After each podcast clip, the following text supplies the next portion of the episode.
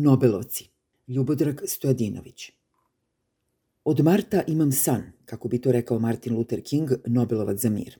Ali ko sam ja da sanjam svoje i tuđe snove, moja stvarnost nije moja zamisao, moje zamisli su u sukobu sa njom. Zatečen sam u njoj kao gubitnik vremena koje mi je preostalo. Tako da slabo znam šta moj san, pretvoren u celodnevni košmar, uopšte sadrži. Nije ovaj uvod nikakva tužbalica, ne žalim ni za čim, samo sam pojedinac koji bez sobstvene odluke pripada narodu. To abstraktno masovno živo biće koje ne pokazuje da ima volju niti um, pristaje na sve, tako da su uzaludne moje zablude da se nečemu opirem. Ipak sam uveren da čamotinja u kojoj donekle i živim nije samo moja i da nevolju delim sa mnogim ljudima. Osim onih koji su našli svoje božanstvo, uvereni da drugačije i nije moguće – Očarani svojim komičnim totemom, oni fanatično mrze sve koji ne veruju da postoje bilo kakvi razlozi za njihovo ushićenje. Jel se ovo neki sa nama opasno zajebavaju, pita me komšija Mitić, kad je čuo da su američka, kosovska i srpska vlada predložene za Nobelovu nagradu, i to za mir. Nije čekao da mu odgovorim, niti sam ja to želeo. Otišao je negde, psujući nekoga. Nobelova nagrada, makar i u najavi, To je krupna promena u životu plemena koja će još ratovati i onih koji su njihove poglavice. Neki su nagradu dobili posmrtno. Neki su išli u Stokholm pa su docnije poginuli. Većina je preživala svoju slavu. Sadat i Begin su ratovali pa je Sadat otišao u Kneset. Sklopili su nekakav mir i Nobel je bio njihov. Anvar al Sadata su ubili vojnici, pripadnici crnih muslimana na paradi u Kairu, upravo zbog Kneseta – Nagradu su shvatili kao pakt sa šeitanom. Još jedan par mirotvoraca iz tog dela sveta koji su ratovali pre toga dobio je Nobelovu nagradu za mir. Šimon Perez i Jaser Arafat. I jedan i drugi preživali su svoju avanturu. Nagrada je opstala, ali mir nikada nije. Ta nagrada vuče za sobom čitav inventar absurda, na njemu su dobitnici mnogi grabljivci jastrebovi, koje je putovanje u Stokholm bar za trenutak odvojilo od kategorične filozofije razarajuće sile, Baracka Obamu, na primer. Willy Brandt i Mihajlo Gorbačov su svaki na svoj način rušili zidove i gvozdene zavese, zločinačke tabue, nacističke Nemačke i teške staljinističke recidive.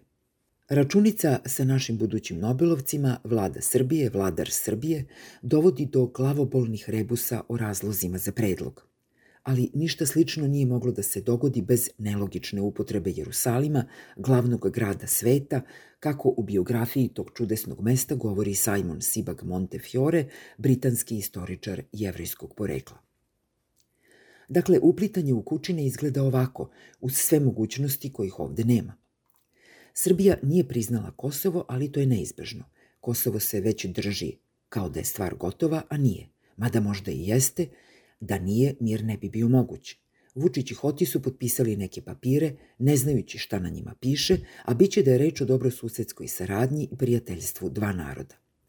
Beograd i Priština mogu da budu na jednom mestu zajedno, a to je samo Jerusalim. Ambasade će im biti u komšiluku. Zbog toga što Srbija premešta veleposlanstvo iz Tel Aviva u Jerusalim, Izrael priznaje Kosovo, a Vučić tim povodom postaje intimni prijatelj sa Netanjahovom. Taj uspeh udaljava Benjamina od intenzivne istrage zbog kriminala i korupcije, a Trumpa dovodi do ranga državnika koji u jednom kavezu drži zavađene primate koji počinju da trebe vaške jedan drugome, da se češkaju i da se vole. On volšebno primorava našeg mudraca da uzme za pobratima čoveka koji uzima Hotija za pobratima – U isto vreme Ivica Dačić se sprema da od Izraela traži odpriznavanje, koje je moguće samo posle priznavanja, što će uraditi i u Podgorici, koja je konačno naša. Crna Gora će izaći iz NATO-a da bi tamo ponovo ušla sa nama. Dolaskom u Beograd, Vučić triumfalno objašnjava ovo isto, samo mnogo gore. Kaže da može da ide kod koga god hoće i svi ga vole i jedva čekaju da ga vide.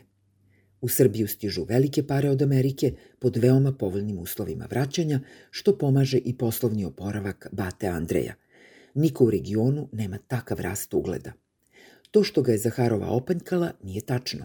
Gledao je kritičnu pozu Sharon Stone i sebe u ogledalu, upoređivao, analizirao. Ma nema veze, ništa slično.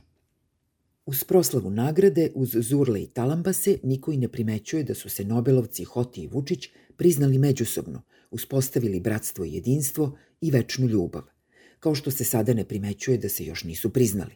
Slede poluzagrljaj i čitavi vlažni balkanski poljubci. Eto, tako ja ljubim svog polubrata Hotija, sa kojim sam sklopio vojni savez, a Vulin već planira zajedničke vežbe desantnih snaga. Nikome nećemo dozvoliti da dira Kosovo. Uveren sam da najbolji pisci SNS-a spremaju obrazloženje uz CV kandidata. Još kao mali pokazao je nastojanja ka miru. Kod Šešelja je završio mirotvoračko obdanište, lepe manire i tehniku pristojnog govora. Zbog lične čvrstine hranio se lignjama, pobornike demokratije u vanrednim stanjima. Dok je bio ključar Srbije tamnice, u njoj je vladao mir. Mafija kojom rukovodi mirno hara po državi koja ne mora da bude velika. Iskreno se nekaje za izjavu koju nije dao o sto muslimana za jednog Srbina. Mir vlada i na ulicama Beograda, kriminalci iz SNS-a terorišu i ubijaju samo one koji ga narušavaju. Završio je pravni fakultet za sedam godina kao najbolji student u njegovoj istoriji, tako da je ovde lično uveo vladavinu prava. Kandidat sa svoje strane upućuje smernu molbu Nobelovom komitetu da grupa njegovih časnih eksperata dođe odavde tamo i izbroji glasove za kandidate kad za to dođe vreme, uveren da je to jedini uslov za objektivni ishod glasanja. Zamišljam Trumpa, Hotija i Vučića kako koračaju crvenim tepihom i odlaze u istoriju besmrtnika, za večni mir i pamjat – iza našeg Nobelovca Ana, Vulin i Mali kao grupa pomoćnika nosioca nagrade. Vesić sa vajarom iz Uzbekistana planira bistu Nobelovca veličine Beograđanke umesto Beograđanke. Vesić lično želi da bude ukras na radnom stolu Nobelovca u prirodnoj veličini. Moguće da su navedene scene idealni prizor za početak science fiction filma o bliskoj budućnosti u kojoj iznenada nestanu svi ljudi – jedino sablasne senke tumaraju po ostacima sveta koji je već u prošlosti. U decembru 1961. godine Ivo Andrić je dobio Nobelovu nagradu za književnost. Iste godine Dagu Hammarskjöldu, generalnom sekretaru UN-a, posmrtno je dodeljena nagrada za mir.